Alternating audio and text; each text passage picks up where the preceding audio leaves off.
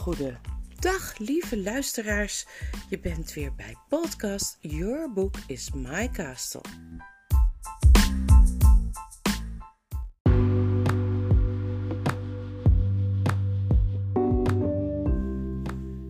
Het begin van Narnia.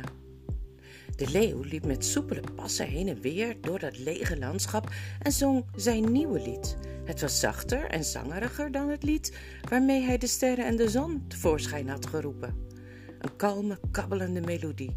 En terwijl hij zo liep te zingen, kleurde het dal groen, er kwam gras, het vloeide als een plas water van de leeuw vandaan. Als een golf stroomde het tegen de hellingen van de lage heuvels op. In een paar minuten kroop het omhoog tegen de voet van het gebergte in de verte, zodat de jonge wereld er steeds vriendelijker begon uit te zien. Je kon het zachte briesje nu door het gras horen ritselen. Al gauw waren er nog meer dingen behalve gras. De hoger gelegen hellingen kleurden donker van de hei. In het dal verschenen plekken ruiger en borstelige groen, Dickery begreep eerst niet wat dat waren, totdat er één vlak bij hem begon op te komen. Het was een klein stekelig dingetje met tientallen armen, die het vervolgens groen liet worden. Het groeide ongeveer een centimeter per seconde. Er waren nu aan alle kanten tientallen van die dingen. Toen ze bijna even groot waren als hij zelf, zag hij wat het waren. Bomen, riep hij uit. Het vervelende, zoals Polly later zei, was dat je niet met rust gelaten werd om alles rustig te bekijken. Net toen Diggory bomen zei, moest hij opzij springen, omdat oom Andreas weer onmerkbaar naast hem was komen staan en juist zijn zak wilde gaan rollen. Oom Andreas zou er niet veel aan gehad hebben als het hem gelukt was. Want hij was op de rechterzak uit, omdat hij nog steeds dacht dat de groene ringen voor naar huis waren. Maar Dickery wilde ze natuurlijk geen van beiden kwijtraken. Halt, riep de tovenares. Achteruit, nee, nog verder terug. Wie dichter dan tien stappen bij een van die twee kinderen in de buurt komt, slaak ze hersens in. In haar hand hield ze de ijzeren staaf die ze van de lantaarnpaal afgerukt had, klaar om te gooien. Op de een of andere manier twijfelde niemand eraan dat ze heel goed kon mikken. Zo, zo, zei ze. Dus jij wilde stiekem met die jongen teruggaan naar je eigen wereld en mij hier laten. Eindelijk werd oom Andreas zo nijdig dat hij zijn angst vergat. Ja, mevrouw, dat wilde ik, zei hij. Zo is het precies. Dat wilde ik doen. En dat zou mijn goed recht zijn. Ik ben allerschandaligst, allerafschuwelijkst behandeld. Ik heb mijn best gedaan u alle mogelijke respect te tonen. En wat krijg ik als dank? U hebt een heel nette juwelier bestolen. Ik zeg het nog eens. Bestolen! U stond erop dat ik u op een peperdure, om niet te zeggen overdadige lunch trakteerde. Ook al moest ik er mijn horloge met ketting en al voor verpanden om dat te kunnen betalen. En laat me u vertellen, mevrouw, dat in onze familie niemand gewend is de lommerd te bezoeken. Dat is waar je je uh, goud heen kan brengen, krijg je geld ervoor terug. De lommerd vroeger, toen, ooit. Behalve mijn neef Eduard, maar die was ook landeigenaar en vrijwillig soldaat. Tijdens die onverteerbare maaltijd, op dit moment heb ik er nog steeds last van, trokken uw gedrag en uw manier van spreken op een onplezierige manier de aandacht van alle aanwezigen. Ik voel mij in het openbaar vernederd. In dat restaurant kon ik nooit meer mijn gezicht laten zien. U hebt de politie aangevallen? U bent een divegge? Ach, houd het toch alsjeblieft je canuses zei de koetsier. Oh, dat had ik even anders moeten. Ach, houd toch alsjeblieft je canuses, meneer, zei de koetsier. Kijken en luisteren moet je, niet praten. Er was inderdaad heel wat om naar te kijken en te luisteren. De boom die Dickery het eerst had gezien, was nu een volwassen beuk, waarvan de takken zacht heen en weer wiegden boven zijn hoofd. Ze stonden op een fris groen gras, bezaaid met madeliefjes en boterbloemen. Een klein eindje voor en uit, langs de oever van de rivier, groeiden wilgen. Van achteren werden ze ingesloten door een wirwar van bloeiende krentenboompjes, seringen, wilde rozen, rhododendrons. Het paard stond grote happen heerlijk nieuw gras uit de grond te trekken. En al die tijd ging het zingen van de leeuw en zijn statige sluipende gang heen en weer terug, heen en weer, terug, door.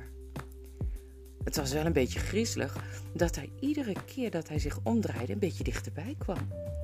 Polly begon het lied steeds interessanter te vinden, want ze dacht dat ze het verband begon te begrijpen tussen de muziek en de dingen die gebeurden.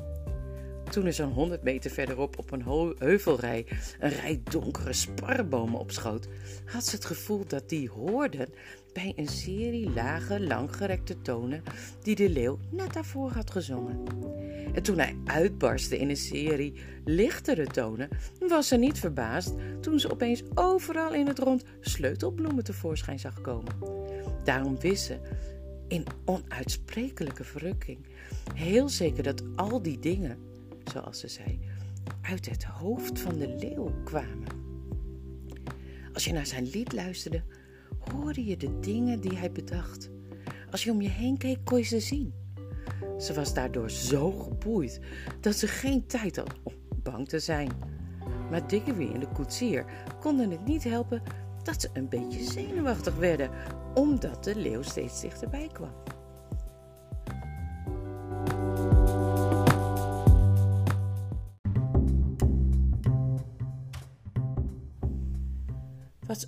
Andreas betreft, die stond met zijn tanden te klapperen. Maar zijn knieën bibberden zo dat hij niet kon lopen. Opeens stapte de tovenares zomaar naar voren, recht op de leeuw af. Die kwam met langzame, zware passen in hun richting, steeds maar zingend. Hij was nog maar een meter of twaalf bij hen vandaan. Ze tilde haar arm op en slingerde hem de ijzeren staaf recht naar zijn hoofd. Niemand, en zeker Jadis niet, had van zo dichtbij mis kunnen gooien. De staaf raakte de leeuw midden tussen zijn ogen. Hij schampte af en viel met een plof in het gras. De leeuw bleef dichterbij komen. Hij liep niet langzamer of sneller dan daarvoor. Je kon zelfs niet zien of hij wel gemerkt had dat hij geraakt was. Hoewel zijn zachte voeten geen geluid maakten, kon je onder hun gewicht de aarde voelen dreunen. De tovenares gaf een gil en zette het op een lopen. In een oogwenk was ze tussen de bomen verdwenen. Oom Andreas draaide zich om en wilde hetzelfde doen, maar struikelde over een boomwortel en viel plat op zijn gezicht in een klein beekje dat omlaag stroomde naar de rivier. De kinderen konden zich niet verroeren en ze wisten zelfs niet eens zeker of ze dat wel wilden. De leeuw schonk hun geen enkele aandacht. Zijn enorme rode muil stond open. Maar hij stond open om te zingen, niet om te brullen. Hij kwam zo dicht langs hen heen lopen dat ze zijn manen hadden kunnen aanraken. Ze waren verschrikkelijk bang dat hij zijn hoofd zou omdraaien en naar hen zou kijken. En tegelijkertijd wilden ze dat op een vreemde manier juist graag.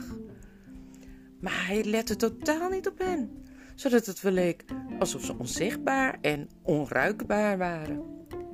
Toen hij hen voorbij was en een paar passen doorgelopen was, draaide hij zich om en liep weer langs hen heen en wandelde verder naar het oosten.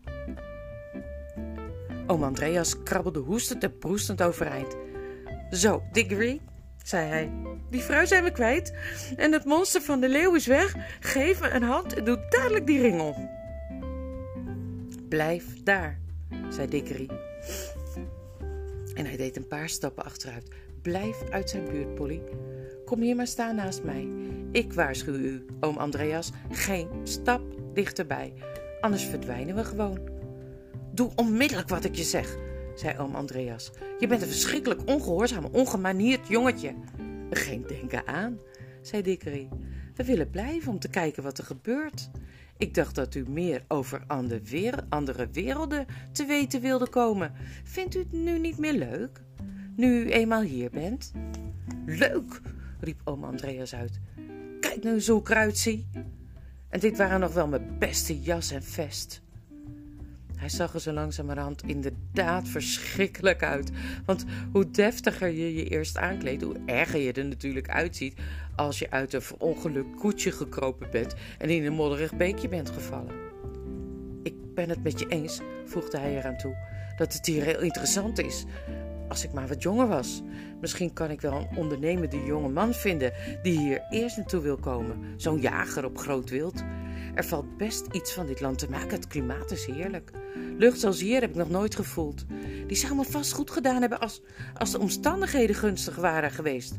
Als we maar een geweer hadden gehad. Geweren, wat een kolder, zei de koetsier. Ik denk dat ik maar eens ga kijken of ik stroobloem kan afwrijven. Dat paard heeft meer verstand dan sommige mensen die ik zou kennen noemen. Hij liep terug naar Stroobloem en begon de klakkende geluidjes te maken van iemand die gewend is met paarden om te gaan. Denkt u nog steeds dat je die leeuw met een geweer kunt doodschieten? vroeg Dickery. Die ijzeren staaf deed hem anders weinig. Ondanks al haar fouten, zei oom Andreas, is dat een juffie met pit, mijn jongen. Het was heel temperamentvol van haar om dat te doen. Hij wreef in zijn handen en kraakte met zijn knokkels, alsof hij voor de zoveelste keer vergeten was hoe bang hij iedere keer weer voor de tovenares was als ze in de buurt was. Het was heel gemeen van haar om dat te doen, zei Polly. Hij had haar toch niks gedaan? Hé, hey, hoe kan dat nou? zei Dickery. Hij was naar voren geschoten om eens goed te kijken naar iets wat hij een paar meter verderop zag. Zeg, Polly, riep hij achterom, kom nou eens kijken. Oom Andreas kwam met haar mee. Niet omdat hij het ook wilde zien, maar omdat hij dicht bij de kinderen wilde blijven. Misschien zou hij kans zien hun ringen te stelen. Maar toen hij zag waar Dickery naar stond te kijken, begon hij zelf zich ervoor te interesseren. Het was een echt lantaarnpaaltje, maar dan in het klein, ongeveer een meter hoog. En terwijl ze naar stonden te kijken, werd hij langer en dikker. Eigenlijk groeide het precies zoals de bomen hier gegroeid waren. Het leeft, ik bedoel, het brandt, zei Dickery. En zo was het. Hoewel het kleine vlammetje in de lantaarn natuurlijk haast niet te zien was bij dat felle zonlicht. Of je schaduw moest er net opvallen. Opmerkelijk, heel opmerkelijk, mompelde oom Andreas. Zelfs ik had nooit kunnen dromen dat dit soort toverkracht zou bestaan. We zijn hier in een wereld waar alles, zelfs een lantaarn, gaat leven en groeien. Uit wat voor soort zaad zouden straatlantaarns groeien? Begrijpt u het dan niet? zei Dickery. Hier is die staaf neergekomen, die ze thuis van die straatlantaarn had afgerukt. Hij is in de grond weggezakt en nu komt hij op als een jong straatlantaarntje. Alleen was het nu al niet meer zo jong. Toen Dickery het zei, was de lantaarnpaal al even groot als hij zelf. Natuurlijk, verbazingwekkend, verbazingwekkend, zei oom Andreas. En hij stond nog harder in zijn handen te wrijven dan ooit. Ha, ze hebben me uitgelachen om mijn toverkunst. Die stomme zuster van me denkt dat ik gek ben. Ik vraag me af wat ze nu wel zullen zeggen. Ik heb een wereld ontdekt waar alles barstensvol leven en groei zit. Columbus, over Columbus praten ze. Maar wat is nou de ontdekking van Amerika vergeleken bij dit? De zakelijke mogelijkheden van dit land zijn onbegrensd. Breng een paar oude stukken ijzer hier naartoe, begraaf zijn hup. Dan komen ze als splinternieuwe locomotieven, oorlogsschepen, alles wat je maar wilt. Dat kost helemaal niks. En in Engeland kan ik ze voor de volle prijs verkopen. Zo word ik miljonair. En dan het klimaat. Ik voel me nu al twintig jaar jonger. Ik kan er een kuuroord van maken. Een goed sanatorium. Hier kan wel 200.000 per jaar opbrengen. Ik zal mijn geheim natuurlijk wel aan een paar mensen moeten vertellen. Maar eerst moeten we zien dat dat monster wordt afgeschoten.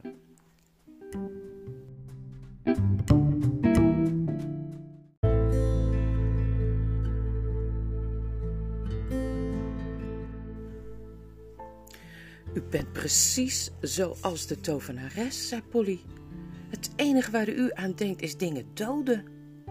En dan ikzelf nog, ging oom Andreas verder in een gelukzalige droom. Wie weet hoe lang ik wel zou blijven leven als ik hier kwam wonen. En dat is een belangrijk punt als je al zestig bent. Het zou me niets verbazen dat ik in dit land geen dag ouder werd. Verbazingwekkend, het land van de jeugd. Oh, riep Dickery uit. Het land van de jeugd. Denkt u dat echt? Want hij dacht natuurlijk aan wat tante Letty gezegd had tegen de dame die de druiven was komen brengen en zijn hart stroomde vol met heerlijke hoop. Oom Andreas, zei hij, denkt u dat er hier iets is waar moeder weer beter van kan worden? Waar heb je het over? zei oom Andreas. Het is hier geen apotheek, maar zoals ik zei, U geeft geen sikkepit om haar, zei Dickery woedend. Ik dacht dat u misschien om haar zou geven.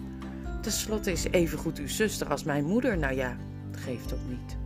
Ik ga in ieder geval aan die leeuw zelf vragen of hij me kan helpen, als u dat maar weet.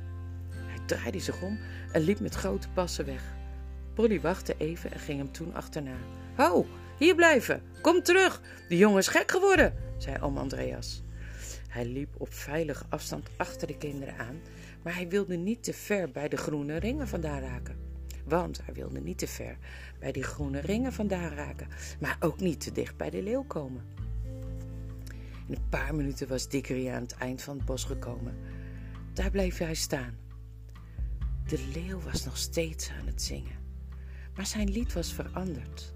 Het leek nu meer op wat wij een melodie zouden noemen, maar het klonk ook veel wilder.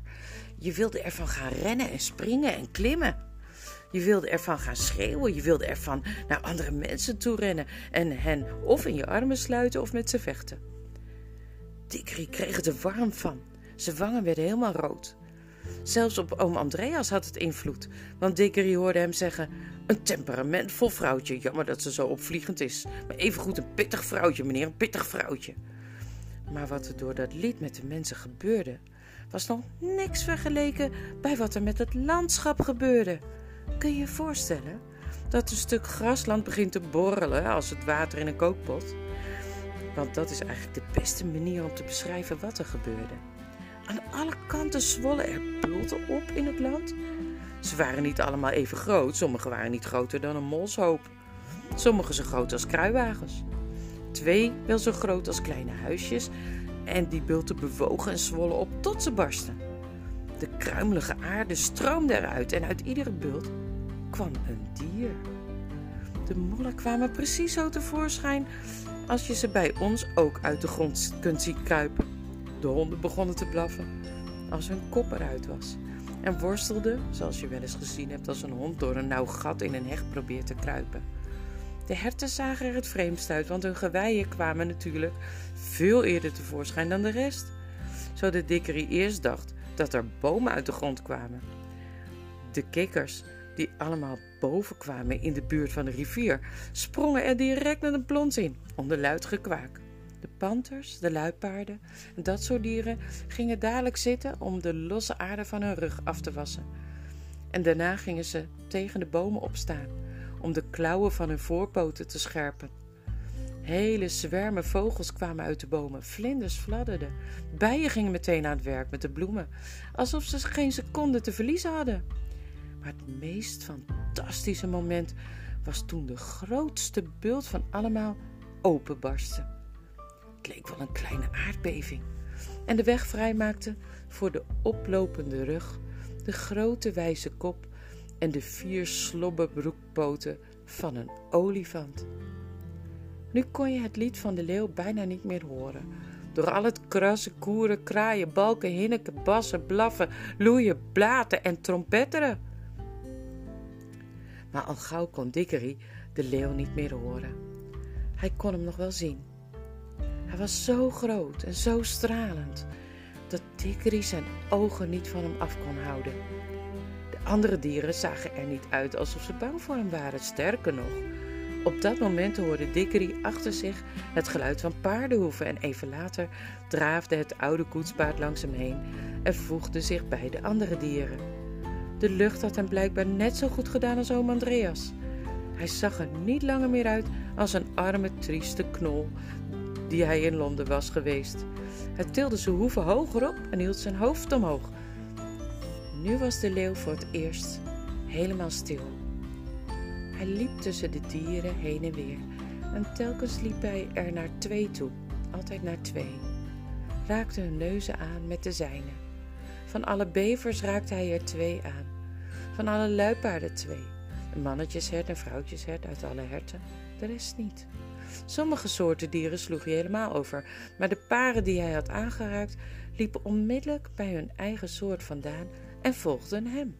Ten slotte bleef hij staan en alle wezens die hij had aangeraakt kwamen in een grote kring om hem heen staan. De anderen, die hij niet had aangeraakt, begonnen weg te zwerven. Hun geluiden verdwenen geleidelijk in de verte.